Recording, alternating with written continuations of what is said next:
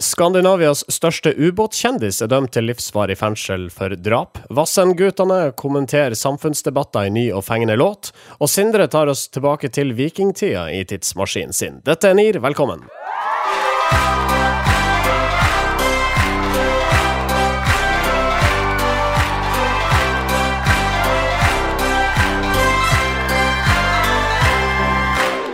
Jeg heter Marius Staulen, sitter i Bodø. Med meg i eh, studio til Moderne Media, Marius Torkelsen borti der. God dag, god dag. Sindre Holme borti der. Ja, hei sann, du. Rett på sak. Zlatan Ibrahimovic han fortsetter å kommunisere eh, med det svenske landslaget gjennom reklame. Og en ny Samsung-spot så rettes oppmerksomheten mot landslagssjef Janne Andersson. Eh, altså, vi, vi hører noe lyd her, men det er ingen som sier noe, så vi får ta litt forklaring eh, mens lyden går. Altså, Zlatan sitter ved bassengkanten. Mobilklokka vibrerer. Han ser det er Janne som ringer, og gidder ikke å ta den. Han vil heller bare chillen i poolen. Ja, så han svømmer ut i bassenget i stedet. Ja. Og dette er jo en, neste kapittel, holdt jeg på å si, i, i uh, føljetongen om at Zlatan uh, kommuniserer til det svenske landslaget og folk om fotball-VM gjennom reklamer. Vi snakket jo om Zlatans uh, samarbeid med et eller annet bettingselskap uh, i en tidligere episode. Betard. Bethard. Uh, beat, beatard, som man kan si hvis man uttaler sånn. Det, det Hvis man har lyst til å si det feil, så kan man uttale det sånn. Hvis man har lyst til å uh, si det på en måte som på en måte sensurerer bort at det er et bettingselskap, så må, sier man beat hard, så skjønner man ikke hva det er. Don't be a fucking beat hard, kan man si. Uh, Men uansett, Men- han, var- han, altså, han fronta i hvert fall den Betal-reklamen der han snakka om odds. Ja, og nå er det jo Samsung. Han er jo, han er jo virkelig Samsungs nye talperson. Han er jo alle mulige kanaler. Eh, og nå har det også et stikk til eh, landslagssjef Janne Andersson, hvor eh, da Zlatan visstnok får en samtale, samtaleanrop, anropsanmodning, fra Janne Andersson eh, på klokka si. Ja. Det står bare Janne, da, så man kan anta det er Janne Andersson. Han gidder, gidder ikke å ta Ja. den. Men det er jo på fornavn, da. Så Ja, det er ikke, ja, ja. kan ikke være sånn kjempedårlige venner eh, likevel. Nei, det er et godt poeng. Kunne vært sånn kuktreneren eller et eller annet. Han, han må være utrolig uh, attraktiv. Altså, eh, bare ved å se på uh, mengden reklame han putter ut på Twitter Han er tydeligvis veldig attraktiv for annonsørene om dagen. Ja, han er det. Altså, det er jo interessant. Du skulle nesten tro det var samme byrå som sto bak alt. For det er et eller annet sånn derre Ja, hva skal vi kødde med nå? Altså, så er det liksom samme tone på en eller annen måte. Det er det samme De har liksom catcher hvordan han s- øh, snakker, da. Eller hvordan han er. Ja, det er det er et godt Eh, poeng. At han er veldig konsistent med vare- varemerket Zlatan. Så jeg lurer på liksom hva Volvo gjør neste gang. Kjører de på en fyr som heter Janne, og så liksom bare kjører videre. hva skjer da? Ja, Jeg tror han, jeg tror han eh, Jeg tror godeste Zlatan nå eh, altså kapitaliserer det han kan på karrieren sin. Altså, mannen er jo eh, 36 år.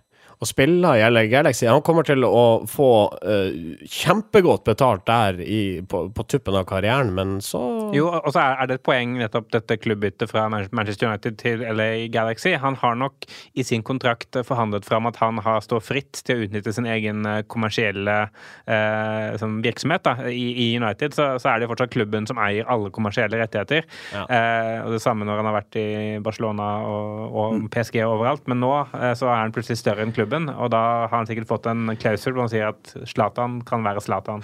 Men jeg syns det er interessant med måten han For han er utrolig kommersiell. Han har veldig mange forskjellige merkevarer han jobber for. Men han er, blir liksom aldri objektet i reklamen. Han blir alltid liksom subjektet. Altså, han lager Zlatan-reklame. Mm. Så, så det gjør at han kan gjøre akkurat hva han vil.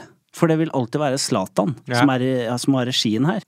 Men det er det ikke mange kjendiser som, som gjør, da. Som uh... Nei, og han har jo tydeligvis bestemt seg for at Fordi det var jo en, Vi snakka om en Volvo-reklame for et par år siden. Og Den var veldig sånn seriøs, og Zlatan gikk på ski, og var, det var det gamle hadde fria i sånn der melankolsk versjon i bakgrunnen og sånn. Hæ? Det kan ikke jeg huske. Jo, Jo, vi, vi snakka om om en sånn episk Volvo-reklame. Men nå har Zlatan blitt mer køddete. Nå skal alt være litt køddete. Så den der seriøse Zlatan, den er borte.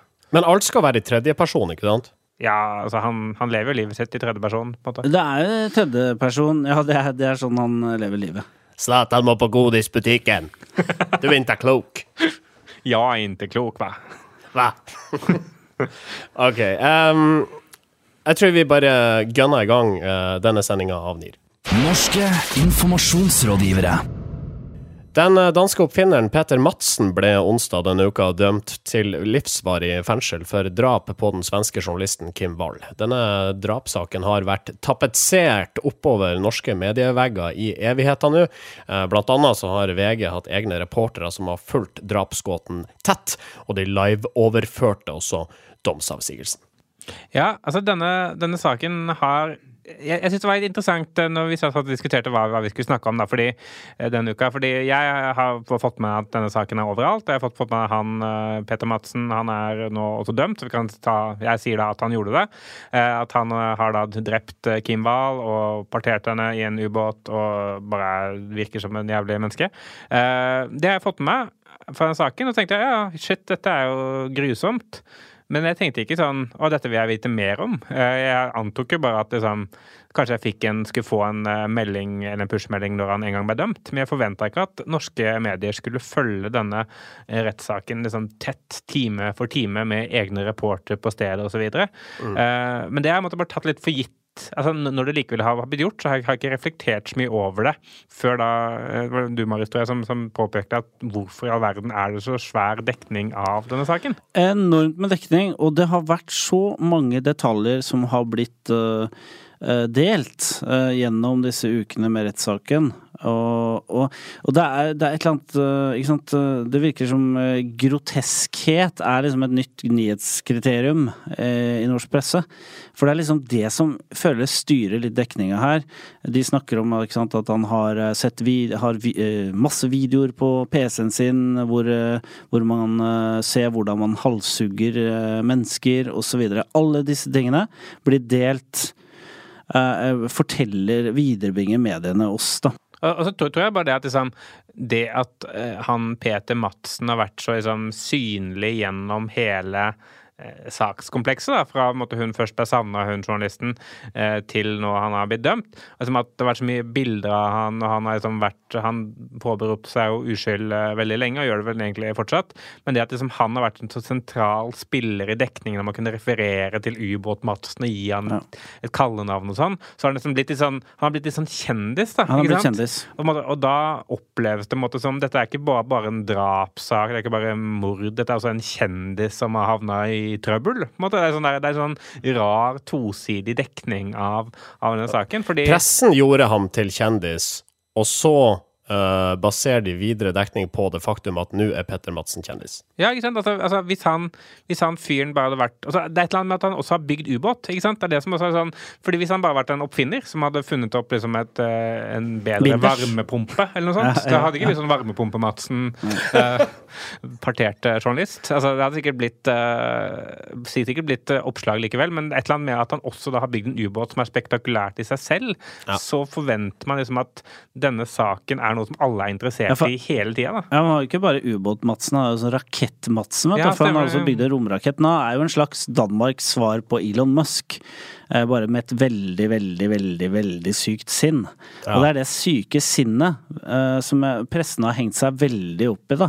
Uh, og, og jeg på en måte Jeg forstår på en måte at dette er At det finnes så syke mennesker. Det har på en måte jo jeg, det litt, kan være viktig å formidle. Men når det kommer i detalj på detalj på detalj, så lurer jeg litt på liksom, om offentligheten egentlig har godt av å få vite så mye om en syk person og hans gjerninger. Det er litt sånn som slår meg, da. Litt sånn ok, sensasjon er én ting, men burde det liksom vært et punkt i ikke sant, Det er jo noe som heter i, i Vær varsom-plakaten, da at uh, punkt fire, seks, ta hensyn til hvordan omtale, ulyk, omtale, av ulykker og kriminalsaker kan virke på offer og pårørende, er noe som heter. Mm. Og det er jo egentlig bare, Da handler det om liksom at de pårørende må skjermes osv. Men jeg tenker også at det burde vært et punkt som heter ta også hensyn til hvordan det vil påvirke offentligheten uh, og, mm. og, og, og, de som leser det. Uh, for det, er, det, å liksom grave i et så sykt sinn og hvilke gjerninger et menneske kan få seg til å gjøre, det vet jeg ikke om er så veldig sunt, da. Nei. Nå er altså Peder Madsen dømt. Eh, saken er allerede varsla anka, så det betyr jo at eh, ja, eh, hovedstadsmediene også her til lands har djevelsk mye å skrive om denne neste tida. Jo, men og, og det, er- det er det vi, jeg, jeg vil gjerne komme med en appell da, på vegne av nyhetskonsumenter. Eh, og, da, jeg, og da vil jeg si at jeg snakker for alle. Eh, Når jeg vil si at jeg er egentlig mye mindre interessert i denne saken enn det pressen er. Eh, jeg føler eh, dette det, måte, Saken i seg selv har jeg forstått. Jeg har forstått at det er forferdelig, og jeg vil gjerne vite det når han blir dømt. Men inntil det så trenger jeg egentlig ikke å vite så veldig mye mer. Ja. Og, så, for jeg, jeg, jeg tror liksom en, en av grunnene til at altså, det blir dekket så mye, er fordi liksom, som Sindre sier, han er syk eh, fyr. eh, Syk i huet. eh, som er den medisinske betegnelsen på det. Nei, men, men han, han, er, han er jo virker jo helt sprø. Men, men det at han er så sprø, men også bor så nærme oss, og at en så sprø person kan være dansk, det, det føler jeg som det er overdimensjonert da, på en eller annen måte. Fordi Ja. handlingen i seg selv står jo som den står. Og den, den er jo ikke Det er, det er, det er ikke noe mer å grave fram der. Nei, jeg vet ikke om de har funnet hele Kim Wall. Så det kan du jo greie fram.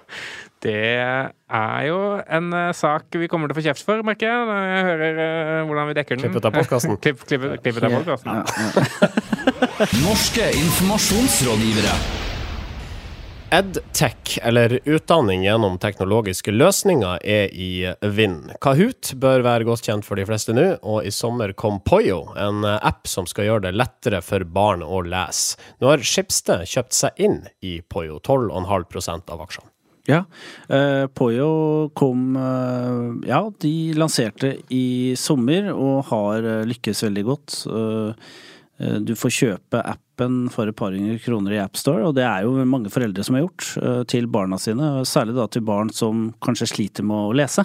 Ja. Eh, og for det hjelper denne appen til. Eh, den gjør det morsomt å lære å lese, og den har gjort at særlig barn med dysleksi eh, har eh, eh, rett og slett fått eh, leselyst, da. Eh, og det er jo interessant da at Skipsted, som jo er et kjent, i hvert fall, som et medieselskap først og fremst, kjøper seg opp i i et eh, på en måte et lærespill. Eh, Men samtidig så er det kanskje ikke så rart. Eh, Snakket Torkelsen og jeg om før sending.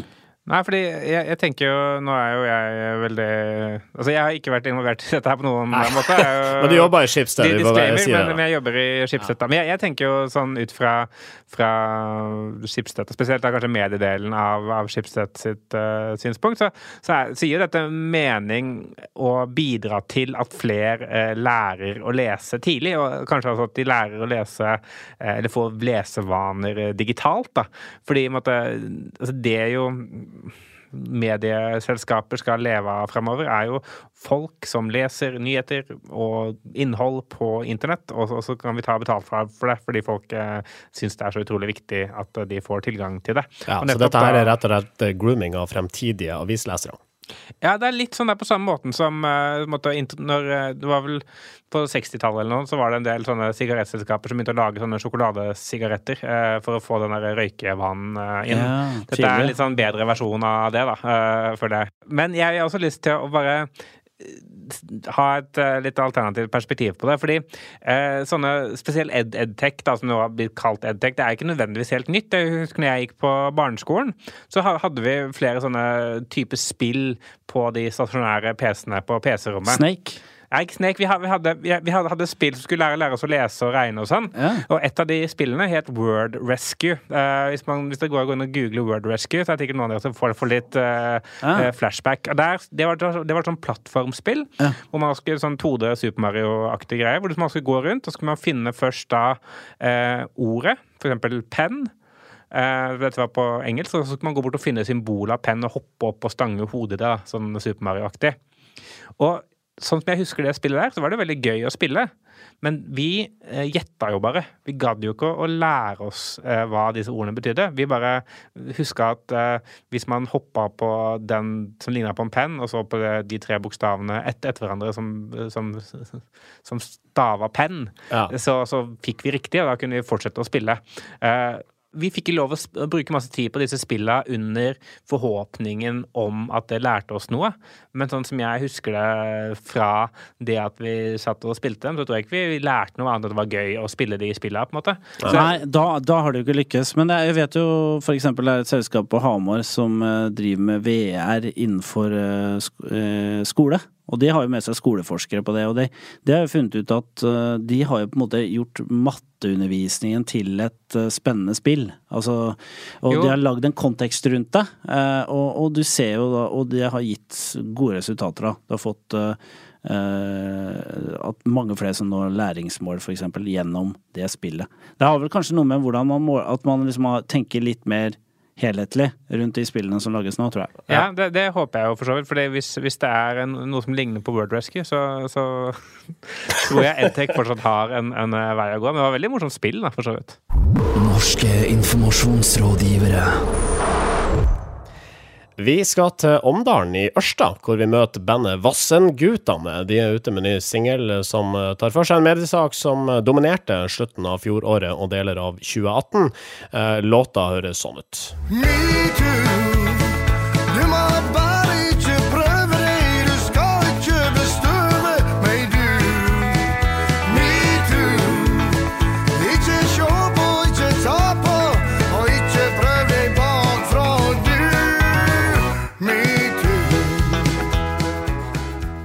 Det er, jo underholdende. Det er jo igjen da, som Vi snakka om Ka- Katastrofe sin eh, Spellemannslåt for noen sendinger siden. Den var jo fengende. Den her er også fengende, hvis man skrur av hjernen, på en måte. Ja. Og det er jo eh, Nå er vi jo litt i eh, På en måte Nå er vi litt i halen av metoo, tror jeg. Det er ikke det godt å si. Kan blusse opp igjen. Men det er vel noe med Egentlig sånn så Timingen er jo ganske, ganske bra, for når, når vi Nå begynner liksom folk å kanskje bli liksom Får litt avstand til det. Ja, litt avstand til det. Det har vært mange saker, og ja, ok, la oss se tilbake på det. Er det noe vi Så det er jo en slags mediekritikk, vil jeg si. Ja, det, det er, men det, er- det er også en slags eh, kritikk av Jeg, i hvert fall på, i, i, i det første verset eh, i denne låta, låta, så opplever jeg også at det er en slags sånn kritikk av kvinner òg. fordi jeg vil lese noen eh, tekstlinjer her. Eh, de, de synger eh, Nå skal ikke jeg synge, jeg bare leser det opp. De synger Du har miniskjørt og tights for å få oppmerksomhet når du går. Og silikon i tatti, altså silikon i puppene. Ja, ja. Og fylde du på her i vår. Du er ikke rart at karene prøver seg og vil ha kontakt. Så de, det er litt den der eh, gamle regla om at eh, hva var det hun hadde på seg, typ. eh, men jeg føler de Du ba, forfekter. du ba om det, Ja, type retorikk, ja. Men, men uansett så, så tenker jeg at her, her vet jo Vassendguttene hva, hva de gjør, og, og, det, og det funker jo. Så måtte det der å faktisk være tett, eller relativt, som Sindre sier, på halen av, av ting som er eh, i offentligheten, det er jo, kan jo være fornuftig, det. Ja, men ikke ta på halen. Ikke ta på halen. Det er veldig viktig. Altså, jeg, jeg har lyst til å dra på Vassendguttene-konsert bare for å høre masse eh, halvgamle folk eh, stå og synge metoo i eh, Bacardi Breezer-rus. Altså, jeg, jeg tror ikke jeg tr altså, Vi har jo ikke gjort en, en ordentlig tekstanalyse uh, her. Jeg tror ikke Vassendgutane uh, mener noe annet enn det de aller fleste mener uh, om metoo, eh, eller hvordan oppføre seg mot andre uh, folk. Og i så måte så kanskje denne låta kan bli en sånn liten vinner, for at nå altså, har vi fått det litt på avstand, og nå kan vi ha det gøy sammen. Og jeg tror at det kommer til å bli stor stemning når denne låta altså, spilles live. Ja, altså, jeg tror jeg hadde sunget uh, metoo hvis jeg hadde stått uh, Ja, ja. Ja, så jeg har stått i publikum der. Og det skal også sies at eh, i, i den Natt og Dag-saken om, om denne låta, så, så eh, viser de til en uh, uttalelse Vassendguttene kom med til TV 2 i 2011, hvor de sier at hemmeligheten bak uh, sin folkelige musikk, det er at alle sangene er skrevet i fylla. Så eh, sånn sett er jo er, passer det jo kanskje enda bedre til eh, sånn de skal konsumeres også. Ja. Og det er, for, det er også morsomt, eh, det siste fun fact. Nå avbryter jeg deg, Marius. Ja, Men, eh, ja, det går bra. Jeg hadde egentlig ingenting å si. Nei, så bra. Fordi vet dere hva Vassendgutane betyr? Hvorfor det heter det? Det er, fra, de er vel fra Vassenden, da? Ja, Det er fra enden, enden av vannet. In, Ja. Innerst i fjorden. Riktig. For jeg, jeg, jeg har jo vært en del oppe på Sunnmøre der, og de Hvis du lander med fly på Hovden flyplass mellom Volda og Ørsta der, så står jo bandbussen deres der. Skikkelig flak. Gul, eh, stilig buss, altså.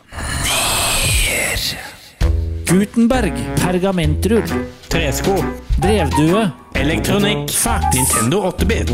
CDR. Ja, ja, jeg sender pressemeldingen på Telex. Sindres tidsmaskin. Vi skal eh, ut og reise igjen i tidsmaskin som kan ta oss til eh, spesielle hendelser, oftest innen eh, kommunikasjon, da, på en eller annen måte.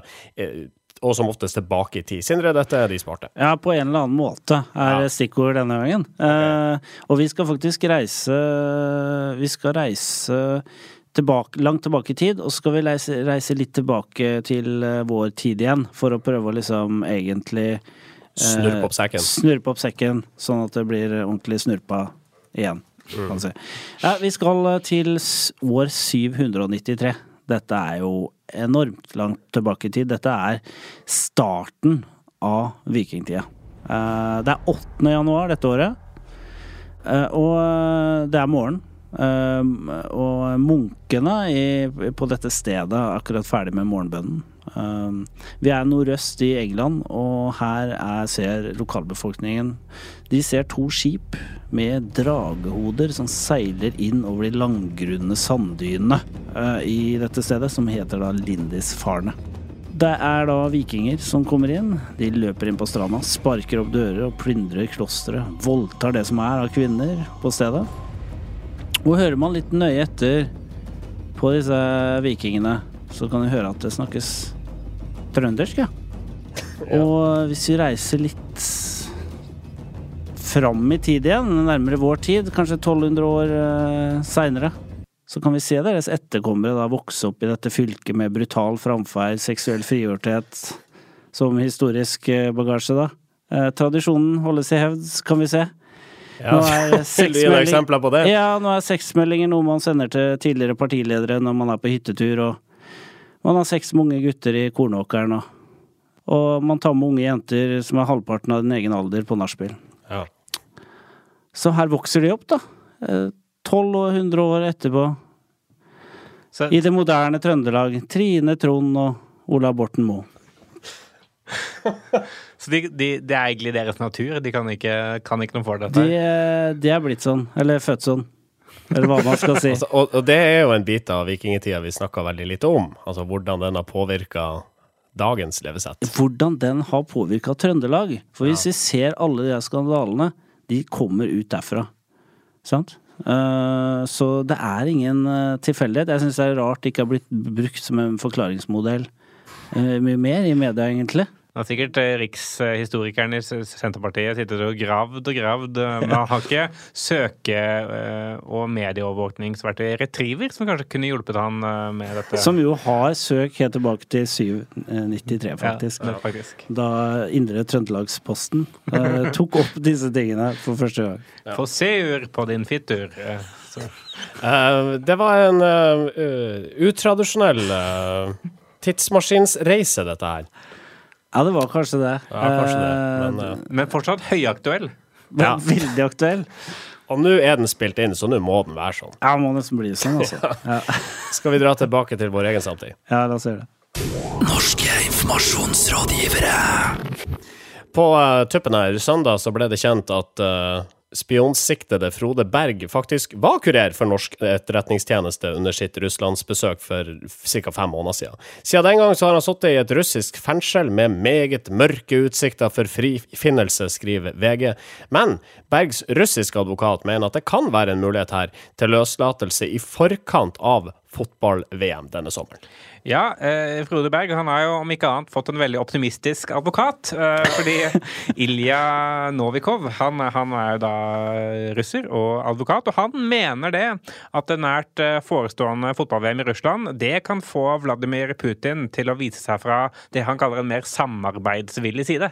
For det han håper på, er liksom det at Russland skal være litt sånn kine på litt positiv omtale, og kanskje kine på et sånn statsbesøk fra Norge og sånn i forbindelse med VM. Nå vet jeg ikke om han Novikov vet at Norge ikke er kvalifisert Jeg tror ikke til VM. jeg tror ikke han vet det. Eh, Så, så akkurat her er det kanskje fotballandslaget sin skyld at Frode Berg henger i en eh, tynn tråd, holdt jeg på å si. Fordi For da kan vi ikke akkurat drive med boikott. Eh, vi kommer ikke til VM! Nei, dere er ikke kvalifisert. Nei, det er for så vidt sant, men uh, uansett, så Hvis vi hadde vært kvalifisert, så hadde vi ikke spilt en eneste kamp. Vi kommer ikke vi fra Finnmark heller, selv om det er veldig kort. Vi holder oss hjemme. Nei, men, men eh, altså, så Hva skal jeg si? Jeg syns denne saken var litt morsom, fordi, fordi det kan jo hende, hende at, at Russland vil ha litt positiv PR, men jeg vet ikke hvor, hvor viktig liksom, det norske markedet og den norske opinionen er for, er for russerne. Nei. Eh, Jeg tror de er veldig komfortable i den posisjonen de har nå, som er fryktbasert. eh, Hvor, hvor vi bare skal være litt redde for hva de kan, kan finne på. Hvis de viser seg fra en barmhjertig side, så blir det sånn Russland, det er ikke noe å være redd for. De kommer jo aldri til å invadere oss. Ja, men så, jeg syns det er veldig rart sagt. For det første syns jeg journalisten burde ha vært stilt litt flere kritiske spørsmål. Tror du virkelig at forholdet til Norge blir viktig under fotball-VM? Om det liksom er en viktig sak. Og for det andre eh, så er jo dette en sak som er flau for Norge, ikke Putin. Åh, det, er, eh, altså, det er en forferdelig uh, sak for Norge, dette her. Det er jo Norge som har driti seg ut. Ja. Så, så at Putin skal på en måte slippe fri han, det vil jo bli en inn... Det, bli en, det er helt idioti, for det er jo en slags innrømmelse av at det ikke er Norge sin feil. Mm. Uh, sånn at det, det der kan du bare glemme, Frode. Sorry, ass. han gjør ikke det her likevel, uansett. Men, men, men, men det- Sier du at de ikke har podkast i russiske fengsel? Nei, det er derfor det er så jævlig å være der.